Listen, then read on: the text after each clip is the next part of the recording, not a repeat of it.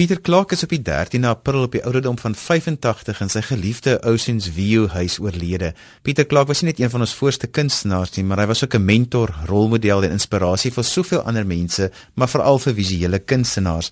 Ek gesels met Byland Sandri van Smack Galery op Stellenbosch. Byland, jy het 'n besondere en 'n lang verhouding met Pieter gehad. Dit hy was ons eerste uitstalling toe die galery offisieel geopen het, maar hy was ook altyd in Stellenbosch en by die galery en ons was goeie vriende. Ek het gereeld vir hom gaan kuier en gereeld vir mense van ons Oorsee na sy huis toe gevat. As 'n mens vir Pieter Clark gaan kuier het en jy besef dat veral in sy uh, in die onlangse jare waar hy baie sukses behaal het, dat hy 'n soort van besluit het hy sal regtig in die plek bly waar hy sy hele lewe lank gebly het, die plek waar hy eintlik gedurende apartheid na toe verhuis is. Jy weet hy het daai gemeenskap sy eie gemaak en ek dink as mense wil die biblioteek in Oceans View waar hulle 'n paar van Pieter se skilderye het maar waar Pieter baie geld en baie energie ingesit het om boeke te koop en rekenaars te koop. As 'n mens na na daai biblioteek toe gaan, ek dink dan verstaan 'n mens regtig die invloed van Pieter Clark op daai gemeenskap. Dit is tragies dat hy nou weg is, maar ek hoop mense sal sy voorbeeld en uh, en wat hy bygedra het as 'n mens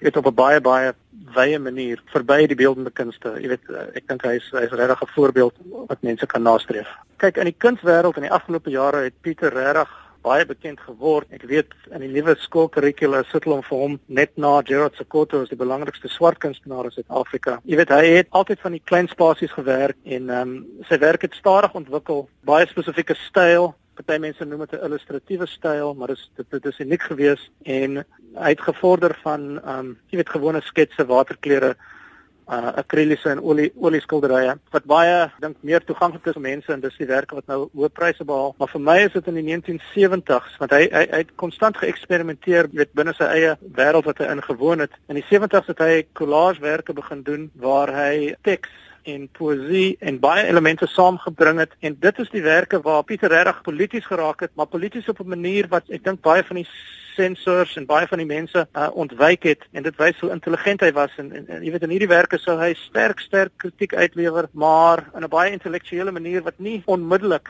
deur uh, mense uh, opgetel was nie. En jy weet hoe meer mense kyk na daai werke van die 70 dink ek word hulle regtig in my opinie van die sterkste as dit nie die sterkste proteswerke wat geproduseer geproduseer was. En dan verder aan het tot op sy op die ou einde waar hy hierdie uitvou boeke geproduseer het, het sy styl, sy werk, sy oeuvre heeltyd verander en gegroei en so hy was 'n uitstekende voorbeeld hoe 'n mens jou kind in die lewe kan hou oor 50, 60 jare. You know, hy was nie net iemand wat een styl of een idee gehad het nie. Ja, hy was 'n baie evolved, you know, hy was 'n hy was 'n kreatiewe en intellektuele kunstenaar definitief een van die belangrikste wat ons nog uh, geproduseer het in Suid-Afrika.